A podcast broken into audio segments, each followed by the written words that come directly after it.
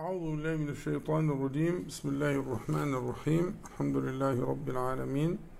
اللهم صل على محمد النبي وأزواجه أمهات المؤمنين وذريته وأهل بيته كما صليت على آل إبراهيم إنك حميد مجيد. أما بعد فهذا موعدنا في لقاء الوصال. ونبدأ إن شاء الله تعالى بما تيسر من فقه الإيواء إلى الفراش. وحديثنا الليلة حديث رواه مسلم وغيره من أصحاب السنن. أن النبي صلى الله عليه وسلم كان يأمرهم إذا أخذ أحدهم مضجعه لينام. أن ينام على شقه الأيمن. وأن يقول اللهم رب السماوات السبع ورب الأرض ورب العرش العظيم. رب كل شيء فالق الحب والنوى منزل التوراة والإنجيل والفرقان. أعوذ بك من كل شر من شر كل شيء أنت آخذ بناصيته. اللهم أنت الأول فليس قبلك شيء وأنت الآخر فليس بعدك شيء وأنت الظاهر فليس فوقك شيء وأنت الباطن فليس دونك شيء. اقضي عنا الدين وأغننا من الفقر. يبقى قول الصحابي كان يأمرنا يعني لأهمية ما سيقول. يعني كان النبي عليه الصلاة والسلام يبين درجة ما ينفع العبد في سيره إلى الله تبارك وتعالى بأن أحيانا يأمر يأمر وقد يحمل الأمر على الوجوب وقد يحمل يحمل الأمر على الاستحباب أو على غير ذلك. لكن هنا الشأن أنه يحمل على الاستحباب استحباب البالغ الشديد. فكأنه علمنا صلى الله عليه وسلم ما يستحب لمن يأوي إلى فراشه أن يفعل. فكان ينام على شقه الأيمن ويقول اللهم رب السماوات السبع ورب الأرض رب العرش العظيم. ربنا ورب كل شيء. فذكر هذه المخلوقات للتنبيه على عظمها وجلالها وتدل على ربوبية الله تبارك وتعالى لسائر ما خلق. والربوبية كما بينا قبل ذلك معناها أولا الإيجاد من العدم. ثانيا ما يمد به الرب تبارك وتعالى ما أوجد. اللي هو يعني أحيانا لخصها في كلمتين عشان ما ننساش الإعداد والإمداد. الربوبية الإعداد الأتم الأكمل من عدم. والإمداد لهذا المعد الذي أعده الله سبحانه وتعالى فيمده. فكل ما خلق الله سبحانه وتعالى خلقه من عدم. وليس على مثال سابق. وهذا إبداعه سبحانه وتعالى بديع كل شيء. ثم كمال الربوبية أن الذي خلقه ذلك أن الذي خلقه سبحانه وتعالى أن ما خلقه الله عز وجل يمده. يمده بما يقيته بما يقيمه بما يحفظه إلى آخره. فإذا قلت رب في جناب الله تعالى فهذا معني الحمد لله رب العالمين. كل العوالم. سبحانه وتعالى ربه. يعني إيه ربها بقى ما أنا أقول الاسم في الفاتحة وأقول الكلام ده في الأذكار وعند النوم. ولما أدعي أتوسل بالربوبية.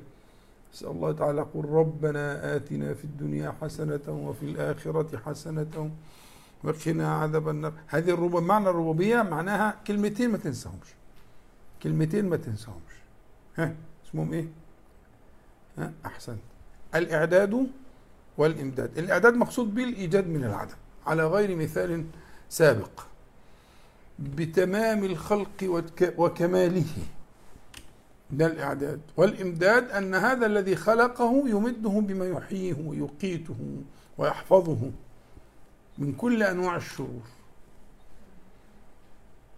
وإليه المصير سبحانه وتعالى. طيب يبقى ما أقول رب اللهم رب السماوات السبع ورب الأرض ورب العرش العظيم ورب كل شيء. ربنا ورب كل شيء.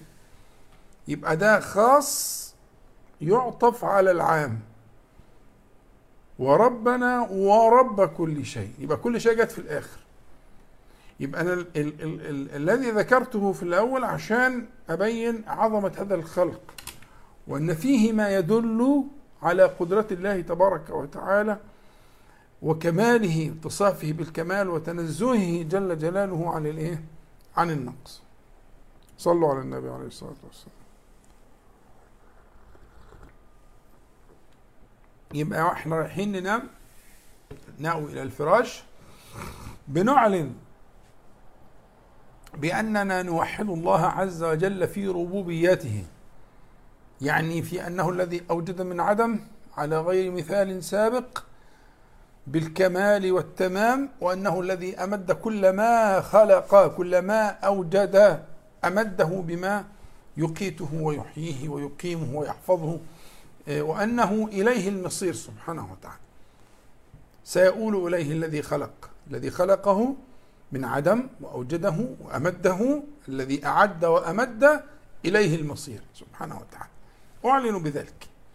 فأذكر من بعض هذه المخلوقات العجيبة اللهم رب السماوات السبع رب العرش ربنا ورب كل شيء. مظبوط؟ تمام.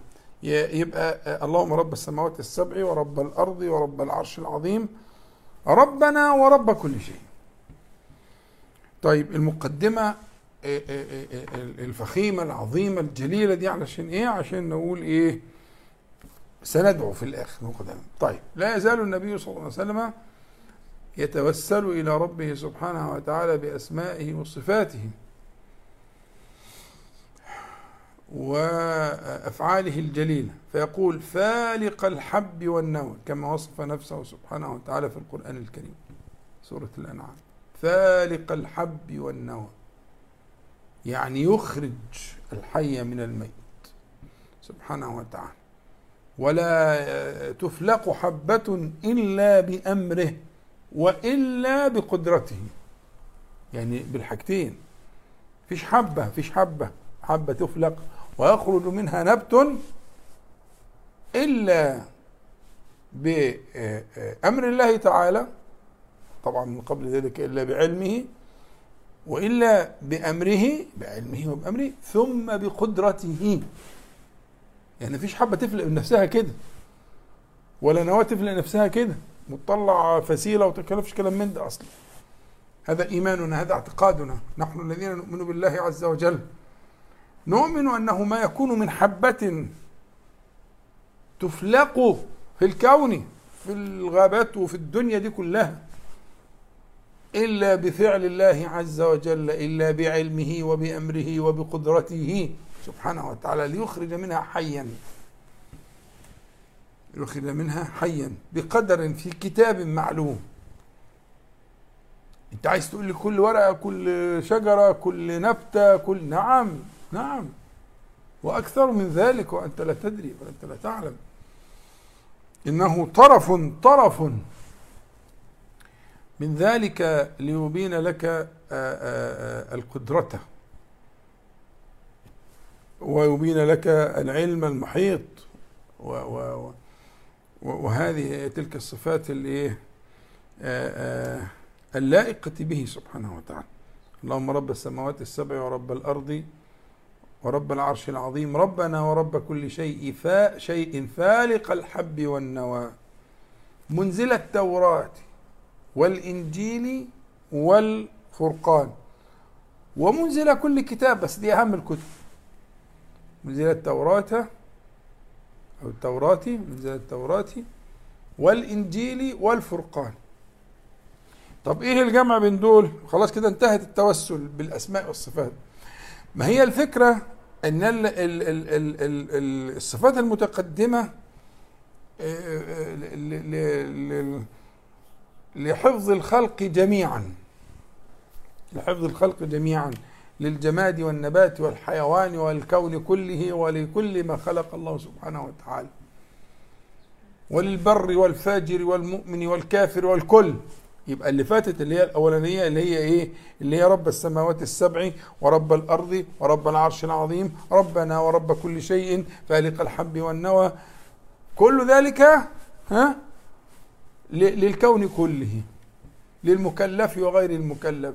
للمؤمن والكافر للبر والفاجر الجميع هو كذلك سبحانه وتعالى. لكن منزل التوراة والإنجيل والقرآن هذا هذا هو آه، إمداد الهداية. يبقى إمداد الإيجاد من العدم للكون كله. فأمد الكافر وأرزق ورزقه وأعانه وهيئته وإلى آخره.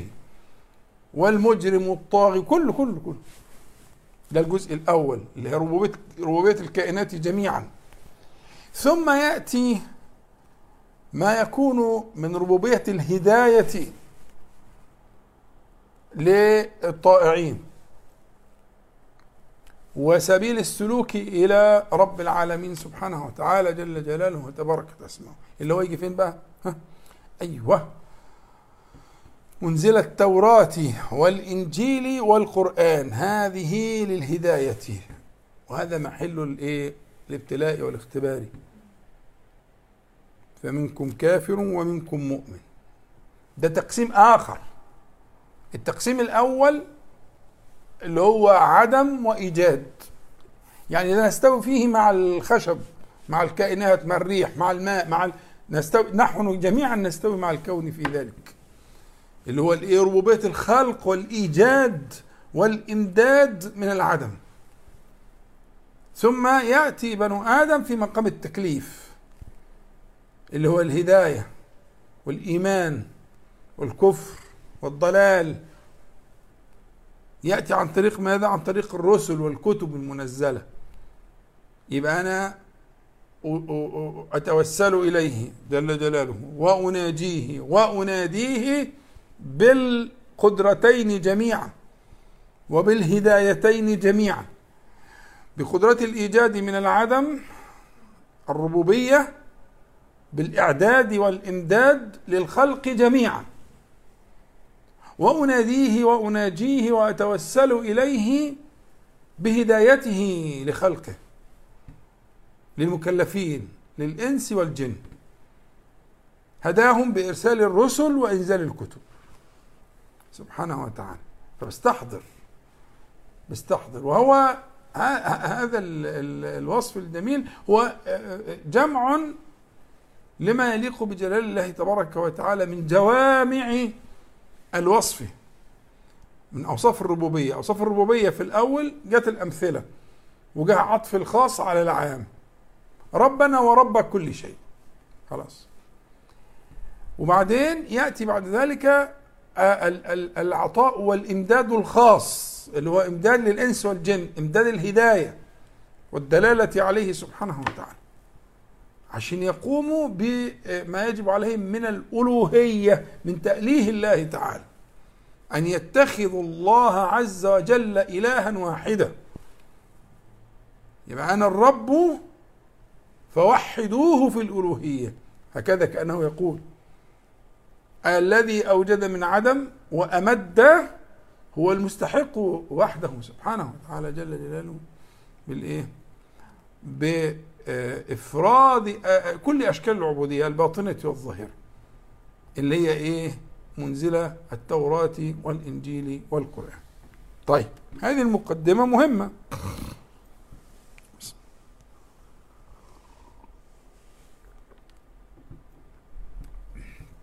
ما الذي يطلبه؟ الذي يأوي إلى فراشه بعد تلك المقدمة يقول أعوذ بك من كل من شر كل شيء أنت آخذ بناصيته. والله تبارك وتعالى آخذ بناصية كل ما خلق. والأخذ بالناصية ليس المقصود هذه الناصية مقدم الرأس لا. الناصية المأخوذ بها المقصود بها هي آه، آخذ بناصيته فيما يأتي وما يظهر. فيما يفعل وما يترك. يعني الناصية هي محل هذا القرار. فإذا قالت العرب يأخذ بناصية الشيء يعني معناها يأخذ بفعله وتركه بأمره ونهيه. أنت آخذ بناصية كل ما خلقته هذا المتقدم الذي ذكرناه عاما وخاصا.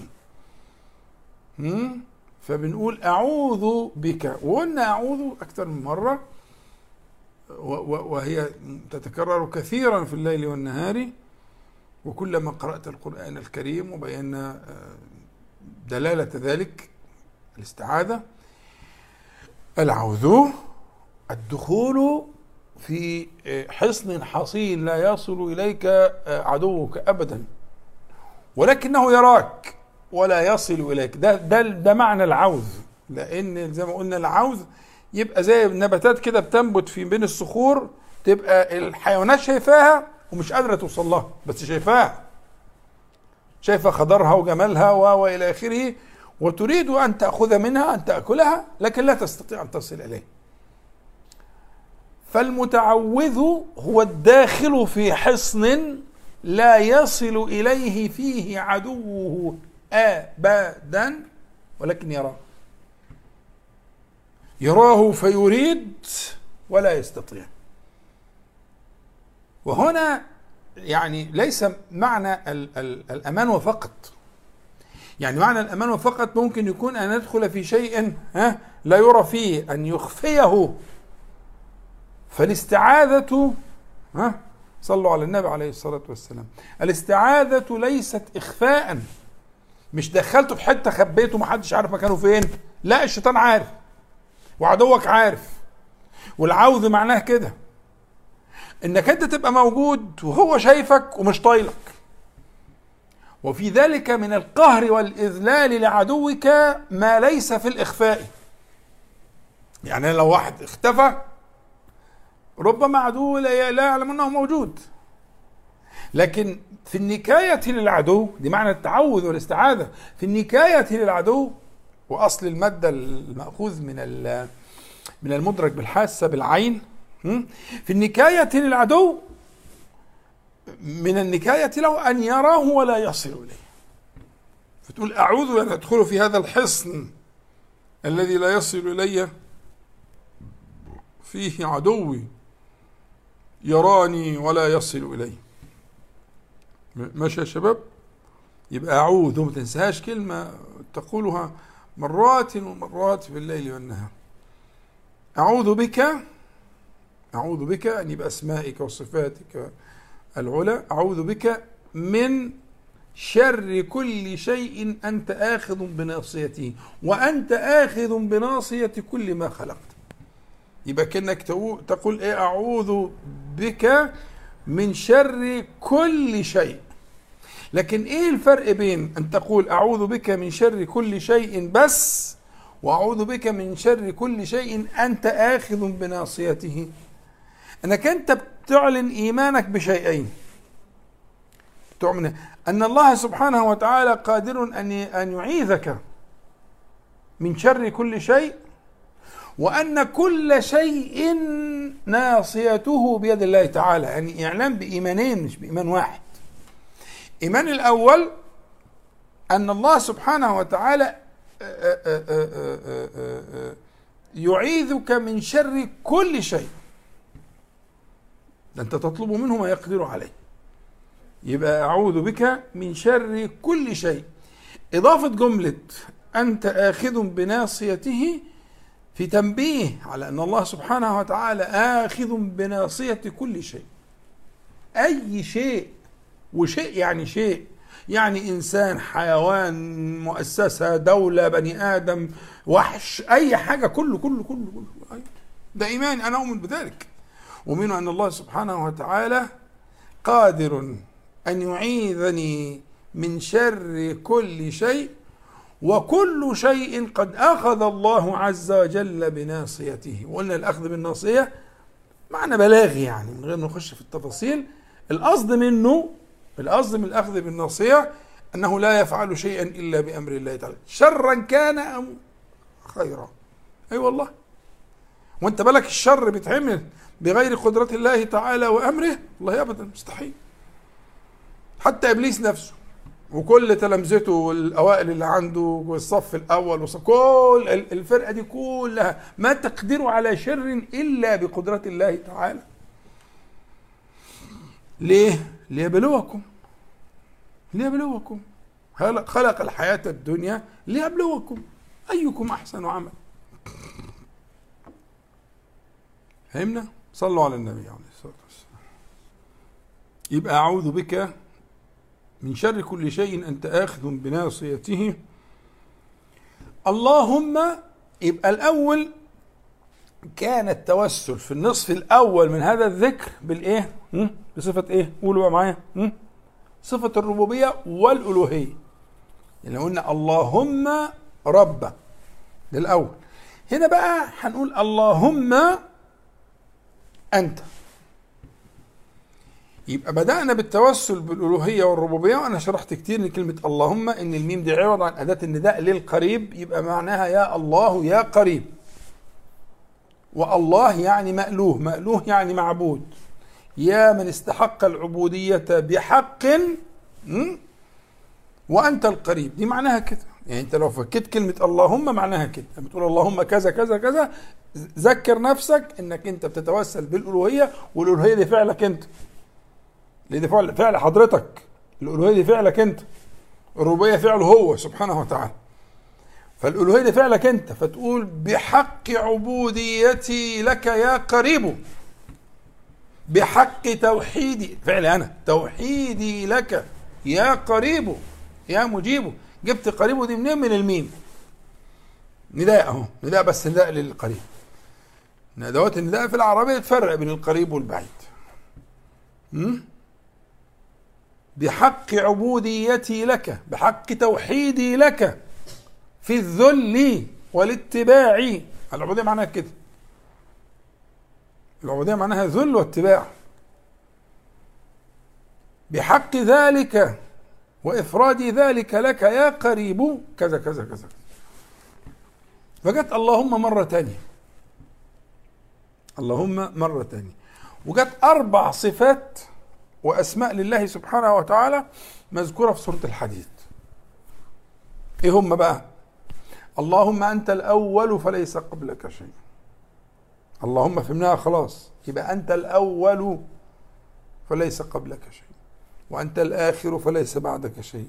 وأنت الظاهر فليس فوقك شيء. وأنت الباطن فليس دونك شيء. كل صفة واسم من هذه الأسماء هو في الحقيقة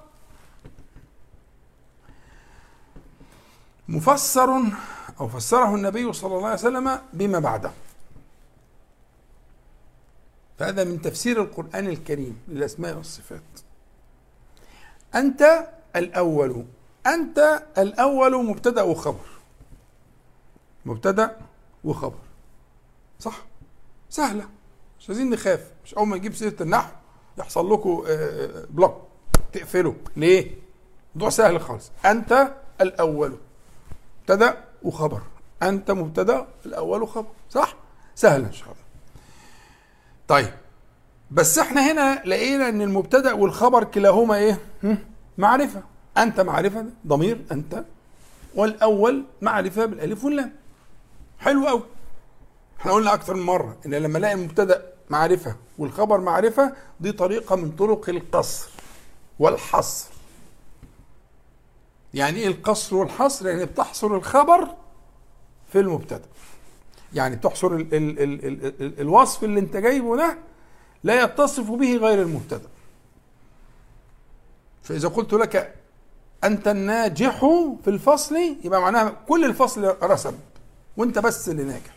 أنت لكن إذا قلت لك أنت ناجح مبتدأ وخبر بس الخبر نكرة. أنت ناجح معنى إن أنت نجحت وفي غيرك قد يكون في غيرك ناجح وغير ناجح الله. لكن إذا قلت لك أنت الناجح يبقى معناها إيه؟ ها؟ لم ينجح غيرك. أظن سهلة. طيب لما أقول أنت الأول. يعني لا يتصف بذلك أحد سواك. سواك. لازم تعي ما تقول يا ابني. والله لن تجد في صحيفتك أثقل ولا أنفع ولا أبقى ولا أرجح من تلك الكلمات. من الوحي. قول زي ما تقول. شوف أنت بتقول في النهار كم كلمة. من ساعة ما تفتح عينك لغاية لما تأوي إلى فراش. بتقول كم كلمة؟ في دراسات بتعمل الحاجات دي يعني. متوسط الشخص بيقول كم كلمة؟ هنقول مثلا مثلا عشان من إيه ما نخشش في في في حاجات جانبية تعطلنا عن المقصود. أنت افترض انك كنت بتقول 100 كلمة. طبعا مش 100 هم 100000 الأقرب من المية. بس أنا هقول في المية عشان نسبة بالمية. لو أنت في اليوم والليلة من ساعة ما تفتح عينك لغاية لما تنام بتقول 100 كلمة. كم كلمة فيها من الوحي؟ افترض يعني هنقول مثلا أنت ما شاء الله راجل دائم الذكر الله سبحانه وتعالى هنقول إن أنت بتقول إيه 30% من من الكلام اللي أنت بتقوله في اليوم والليلة من الوحي وما يتعلق به من الوحي وما يتعلق به تعلقا مباشرا. 30% أثقل ما قلت في يومك وليلتك هو ال 30 كلمة دول. وال 70 دول بقى أنت ونصيبك إما لك وإما لا قدر الله على البعيد وإما لا لك ولا عليك. ثلاث أقسام. لكن المقطوع بأنه لك ويبقى وتجده عند الله سبحانه وتعالى هو الوحي. القرآن والسنة. والحديث البخاري الشهير. البخاري شوف شوف البخاري فيه كام ألف حديث؟ ختموا حديث ملوش علاقة باللي قبليه. البخاري ختم صحيحه بحديث. كلمتان خفيفتان على اللسان ثقيلتان في الميزان حبيبتان إلى الرحمن. سبحان الله وبحمده سبحان الله العظيم. وكان البخاري بيقول لك كل اللي قلنا ده كله في الآلاف المؤلفة من الأحاديث اللي إحنا كتبناها دي اختصاره ها في الكلمتين دول. فالزم سبحان الله وبحمده سبحان الله العظيم. وده كلام النبي عليه الصلاة والسلام. يأتيك بالخبر المغيب. فخلي بالك الكلام اللي بيتقال لازم كله معاني دلالة عشان يبقى له تأثير في القلب. يبقى له تأثير في القلب. فلما تقول أنت الأول يعني قصر. يعني لا يشترك معك في ذلك غيرك. وكل ما عداك ليس بأول. مظبوط؟ جميل. يجي بقى التفسير اللي هي موجود في القرآن وموجود في السنة فليس قبلك شيء. ده معنى الأول. من غير ما نتعب نفسنا في التفسير. هي تفسيرها كده أوضح وأجمل وأظهر وأقرب تفسير لقلوبنا هو الذي فسر الله تعالى به ها أسماءه وصفاته جل جلاله. يبقى معنى الأول اسم الله الأول أنا بتوسل بيه دلوقتي. أنا هطلب أهو. كل ده توسل. يعني من أول ما قلت اللهم رب السماوات السبع وأنا بتوسل بأسماء وصفات وأفعال. فانا انتقلت بقى إلى اللهم يعني كما شرحناها أنت الأول فليس قبلك شيء وليس قبلك شيء دي بيان تفسير لأولية الله تعالى. وأنت الآخر فليس بعدك شيء. خد بالك؟ ليس قبلك وليس بعدك. أنت الأول وأنت الآخر. هذا إيماننا نحن. أما الملحدون والكافرون محرومون والله على الواحد. أقسم بالله إن مشاعر تجاههم مشاعر الشفقة. أنه قد حرم الله قلوبهم من هذا النور. الموافق للفطرة للجبلة. اللائق بجلال وجمال وكمال الله عز وجل. أنت الأول فليس قبلك شيء وأنت الآخر فليس بعدك شيء. لا قبل ولا بعد. طيب. وأنت الظاهر فليس فوقك شيء. لا يعلوه شيء سبحانه وتعالى. يعلو ولا يعلى عليه. في كل شيء في ذاته وصفاته في الذات على ما يليق بجلال الله ولا يدركه ذات الله تبارك وتعالى أحد من خلقه محال. لكن نؤمن بذلك. وفي صفاته كل صفاته في علو. إذا وصفت الله سبحانه وتعالى بأي وصف من الصفات فاعتقادك في قلبك أنه لا يعلوه في تلك الصفة غيره سبحانه وتعالى وجل جلاله. تباركت اسماء دي معنى الظاهر. ها؟ فليس فوقك شيء في ذاتك وصفاتك. يبقى الأول والآخر والظاهر. طب الباطن؟ نفس التفسير. فليس دونك شيء. دي فيها دقة شوية وعايزة إيه بقى؟ نصلي على النبي عليه الصلاة والسلام ونفهم إيه معناها إيه. أشرح لكم إن شاء الله. وإن كنت قلتها قبل كده يعني موجودة اللي يحب يرجع لها إن شاء الله يكون في إخوانكم يخلصوا الموقع. ويبقى البحث عن الحاجات دي سهل يعني. أنا شرحناها بالتفصيل. هذه الأسماء المذكورة في سورة الحديد شرحناها بالتفصيل. إن شاء الله نعيدها مرة واثنين لأهميتها لأن إحنا لذلك خلقنا. ولذلك خلقنا لنوحده سبحانه وتعالى بأسمائه وصفاته جل جلاله وتباركت أسماءه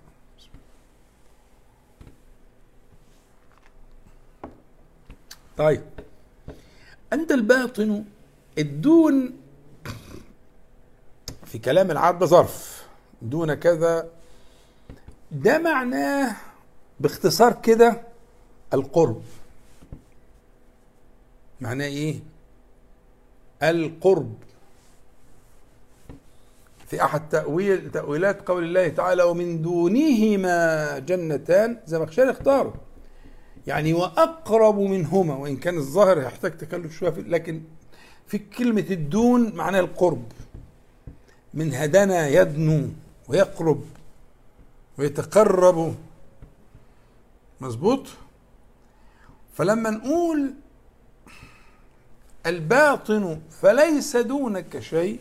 تفسير النبي عليه الصلاة والسلام لتلك الأسماء الأربعة المذكورة اللي فيها تقابل. يعني لا يكون شيء أقرب منك. مفهومة دي؟ لا أقرب منك. والله عز وجل وصف نفسه. كذلك في القرآن الكريم ووصفه النبي صلى الله عليه وسلم في سنته من من قربه من عباده. فإني قريب وإذا سألك عبادي عني فإني قريب. هذا وصف الله تعالى.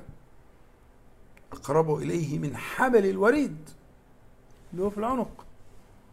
يعني أقرب من كل شيء.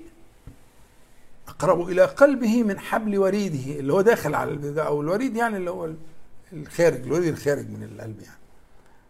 المقصود الوريد أو الشريان ده مش إحنا مش في درس تشريح لكن هو المقصود به يعني أقرب للقلب من قلب من قرب الولي الوريد من القلب. هو أقرب من الوريد. طب ده الوريد ده خارج منه كده وده يعني ها؟ خارج ده, ده خارج من القلب جزء منه كده ها؟ هو أقرب بقى سبحانه وتعالى. أقرب بقد إيه؟ أقرب بما لا تعقله أنت مسكين. وأقرب إليك من قلبك. سورة الأنفال. واعلموا أن الله يحول بين المرء وقلبه والحائل بين شيئين أقرب إلى كل منهما من الآخر. فهو أقرب إليك من قلبك وأقرب إلى قلبك منك. يبقى ده معنى إيه؟ ها؟ آه. الباطن اسم الله تعالى. الظاهر الباطن. الأول الآخر الظاهر الباطن خلاص؟ فوق كل شيء وأقرب إليك من كل شيء. حتى هو أقرب إليك من حبل وريدك أقرب إليك من قلبك. حال بينك وبين قلبك. هنا التوسل بالشكل ده هيقرب المراد. يبقى توسلت بربوبية الله تعالى في خلق الكون هذه الأعاجيب اللي إحنا شايفينها. ثم توسلت إليه سبحانه وتعالى بهدايته لخلقه أنه أنزل التوراة والإنجيل والفرقان. واخد بالك؟ وأنت الآن تتوسل بأسمائه الأربعة. وآخرها اسم القرب. يبقى أنت لما تقول الباطن بهذا المعنى. يعني لا يكون اتضح يعني. طب صلوا على النبي صلى الله عليه وسلم. بعد ذلك كله. وأنت الباطن ما ما ما, ما سؤالك؟ إيه السؤال اللي احتاج هذه المقدمة من حوالي عشر جمل؟ ها؟ ما هو الطلب الذي يحتاج إلى هذه المقدمة الطويلة جدا؟ المتنوعة الأفنان هذه الحديقة الغناء التي ذهبت هنا وهناك إيه، آه، فيها آه، تتوسل إلى الله تبارك وتعالى. بعد هذا ال ال ال قلت اقضي عنا الدين وأغننا من الفقر. ده عند النوم. اقضي عنا الدين وأغننا من الفقر. هو في الحقيقة إن الفقر إن الدين متعلق بالفقر. إن الدين بيكون للفقر. لا لا لا لا لا يدين المرء إلا لذلك غالبا يعني. قد يكون غالبا.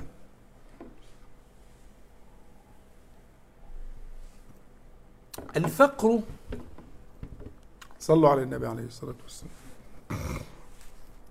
شكلي طولت. طيب إن شاء الله مش هنطول برضه. طولوا بالكم عليها شوية بس الحتة دي مهمة. الفقر الفقر في النصوص الشرعية في القرآن والسنة فقران وليس فقرا واحدا. فقران تمام؟ فالفقر الذي كان يستعيذ منه النبي صلى الله عليه وسلم كان يستعيذ من الفقرين جميعا. لكن رتبة دون رتبة. رتبة. فالفقر الذي يستعيذ منه الجميع ويخاف منه كل مخلوق هو أن يفتقر المرء لغير الله تعالى أن يكون فقيرا لغير الله. كلمة الفقر الفاء والقاف والراء أصلا مبناها على أن واحد كسرت فقار ظهره يعني ظهره اتقطم. من الأحمال ومن الهموم ومن البتاع والمسؤوليات والديون إلى آخره. فكلمة فقير فعيل الفقر فقرة فقار الظهر اللي هو يعني ولذلك هو ده آه، آه، أول صنف مذكور في آية الزكاة في سورة التوبة. إنما الصدقات للفقراء أول حاجة قبل المساكين. الفقراء دول اللي اتقطمت ظهورهم ظهورهم قد قد قسمت ظهورهم من الحاجة. ده المعنى. فهو يقول لك إيه في فقران الفقر الأول أن يقسم الظهر في حاجة لغير الله تعالى وده اللي ملوش حل. ملوش حل. ملوش حل غير بتجديد الإيمان والفزع إلى الرحمن سبحانه وتعالى. وهو ده المستعاذ به اولا في است... لما استعاذ النبي صلى الله عليه وسلم من إيه؟ ما قال أعوذ بك من الكفر والفقر ومن عذاب القبر. من الكفر والفقر. الفقر ده المقصود به إلى, إلى, غير الله تعالى. أن تلجأ أيها المسكين أن تلجأ لغير الله تعالى. يعني واحد ما تعملش مع الخلق؟ لا. أن يلجأ قلبك إلى الله تعالى في معاملتك مع الخلق جميعا. فلا ترى إلا الله. وترى الكل مربوبون مقهورون بربوبية الله تعالى وقهره. وإنهم لا يفعلون إلا ما يريد. هو. شرا كان أو خيرا. تؤمن بذلك فلا تكون فقيرا أبدا إلا إليه. وترى الكون كله بين يديه سبحانه وتعالى يصرفه كيف يشاء. خلاص بقى انت كده أغنى الناس. حتى لو كنت مسكين زي حالتنا كده. أغنى الناس. أغنى الناس الذي لا يفتقر لغير الله عز وجل.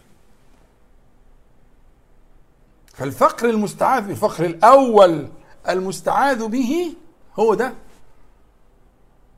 أن يكون المرء فقيرا لغير الله تعالى.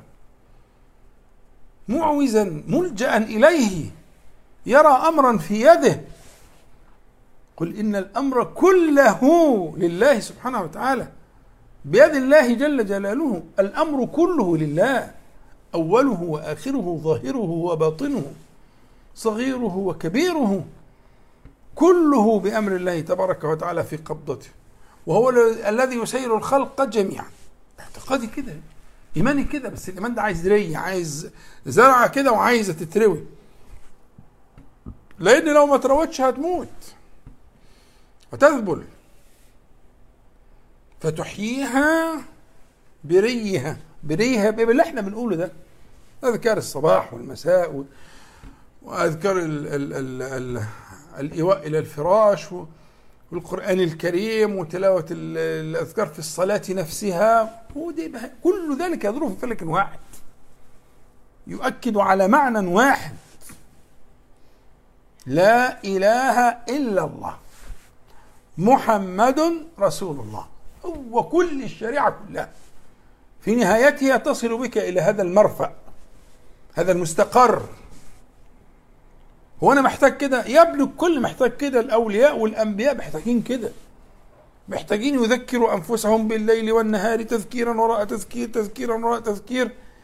ها؟ دفعا إلى أن يقضي الله أمر إلى أن تلقى الله تعالى وأنت توحده ولا ترى غيره في الفعل والترك. فيبقى الفقر الأول المستعاذ به اللي يهمني جدا إن تنتبه إليه هو الإيه؟ آه. الفقر لغير الله تعالى. نعوذ بالله من ذلك. نعوذ بالله أن يفقرنا إلى غيره سبحانه وتعالى. أن يحوجنا إلى غيره. والحاجة دي حاجة القلب في الأول. إلى أي شيء يميل قلبك. إلى أي شيء يميل قلبك بأي شيء تعلق. أنت شايف النجاه فين؟ شايف الغنى فين؟ ما هو الغنى بقى هيكون في المقابل ده الاستغناء بالله عز وجل. أسألك الهدى والتقى والعفاف والغنى. يعني أن تغنيني بك فبأسمائك وصفاتك أصير غنيا مش بالعرض عرضي. عرضي. ده فيه ما لا يحصى من الخلق عندهم من العرض الكثير جدا وهم من أفقر خلق الله. الغنى عن الحقيقة هو الغنى بالله تعالى كما قال عليه الصلاة والسلام إنما الغنى غنى النفس وإنما تريد القصر. يعني الغنى على الحقيقة هو الاستغناء بالله عز وجل بأسمائه وصفاته. والرضا به سبحانه وتعالى ربا اللي هو الإيه؟ الإعداد والإمداد الإيجاد والإمداد. الرضا به ربا. تختارش على ربنا. تختار على ربنا إزاي؟ لا قدرة ولا علم. تختار إزاي طيب؟ زي دعاء الاستخارة. دعاء الاستخارة مبناه إيه؟ فإنك تقدر ولا أقدر. وتعلم ولا أعلم وأنت علام الغيوب. هو دي المبررات. انت في الاستخارة بتقول كده ليه؟ عشان حضرتك لا قدرة ولا علم وأنا وأنت وكلنا يعني. كلنا لا قدرة ولا علم لا ولا لا لا نافية الجنس لا قدرة ولا علم إلا بالله سبحانه وتعالى. فأنت اعتقادك كده لا قدرة ولا علم. أنت وغيرك والخلق كلهم. بس المغرور المغرور المخدوع المخدر في خدوره لا يرى ذلك. والسعيد السعيد الذي نال النعمة الكبرى والرزق الأعظم هو الذي يرى ذلك. ويستحضر ذلك. خدين بالكم يا شباب؟ صلوا على النبي عليه الصلاة والسلام. فالمقدمة الطويلة دي كلها عشان تقول اقضي عنا الدين وأغننا من الفقر. فلا ندين لأحد سواك. ولا نفتقر لأحد سواك. ولا يقدر على ذلك إلاك ده المعنى. أنا اعتقادي ما أراه ما أؤمن به أنه لا يقدر على ذلك إلا أنت. ولذلك أقول ذلك بالليل والنهار. لا أفتأ أكرره لا أفتأ ها أكرره بالليل والنهار. وأختم ما دي حاجة بنقولها ساعة ما خلاص يأوي إلى فراشي. وأختم بذلك. وأقول ذلك بتلك المقدمة البديعة الطويلة النافعة.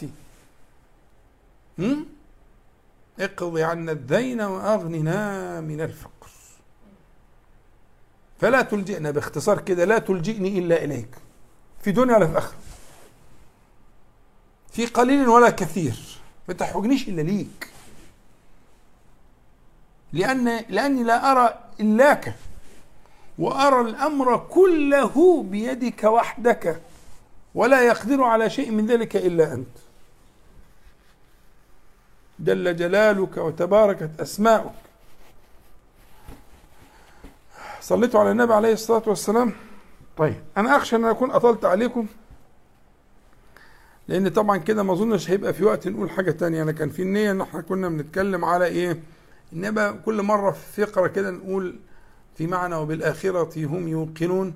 بدأنا المرة اللي فاتت في المجلس السابق نشهد مشهدا من مشاهد الآخرة لأن مشاهد الآخرة تقرب.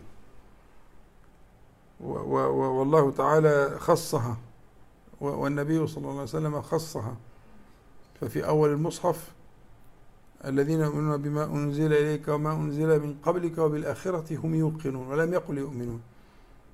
واليقين معناها معناه رفع الحجب فينكشف المستور فهي رتبة أعلى من الإيمان اليقين من الإحسان وليس من الإيمان. فالدين إسلام وإيمان وإحسان. واليقين من الإحسان وليس من الإيمان. فقال يؤمنون بما أنزل إليك وما أنزل من قبلك. وعند الآخرة قال وبالآخرة هم يوقنون.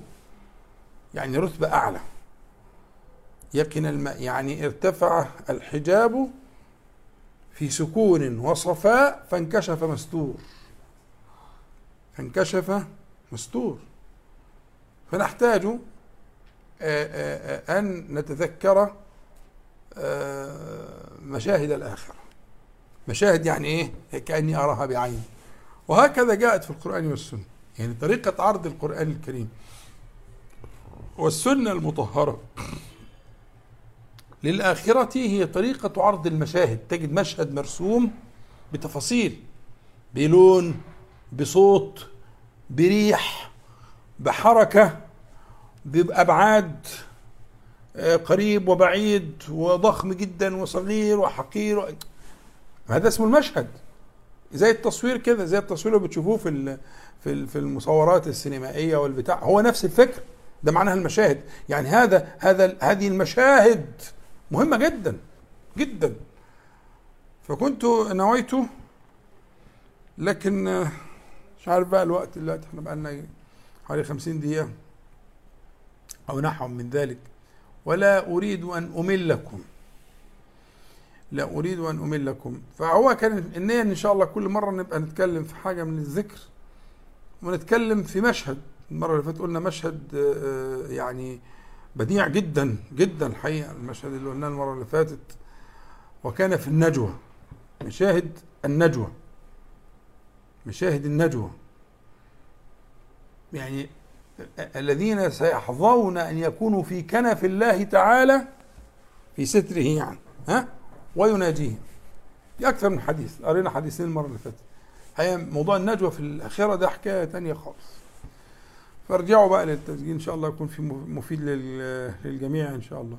وكانت النية الليلة إن شاء الله كنت يعني أقترح على حضراتكم إن إحنا نرى مشهدا من مشاهد القيامة.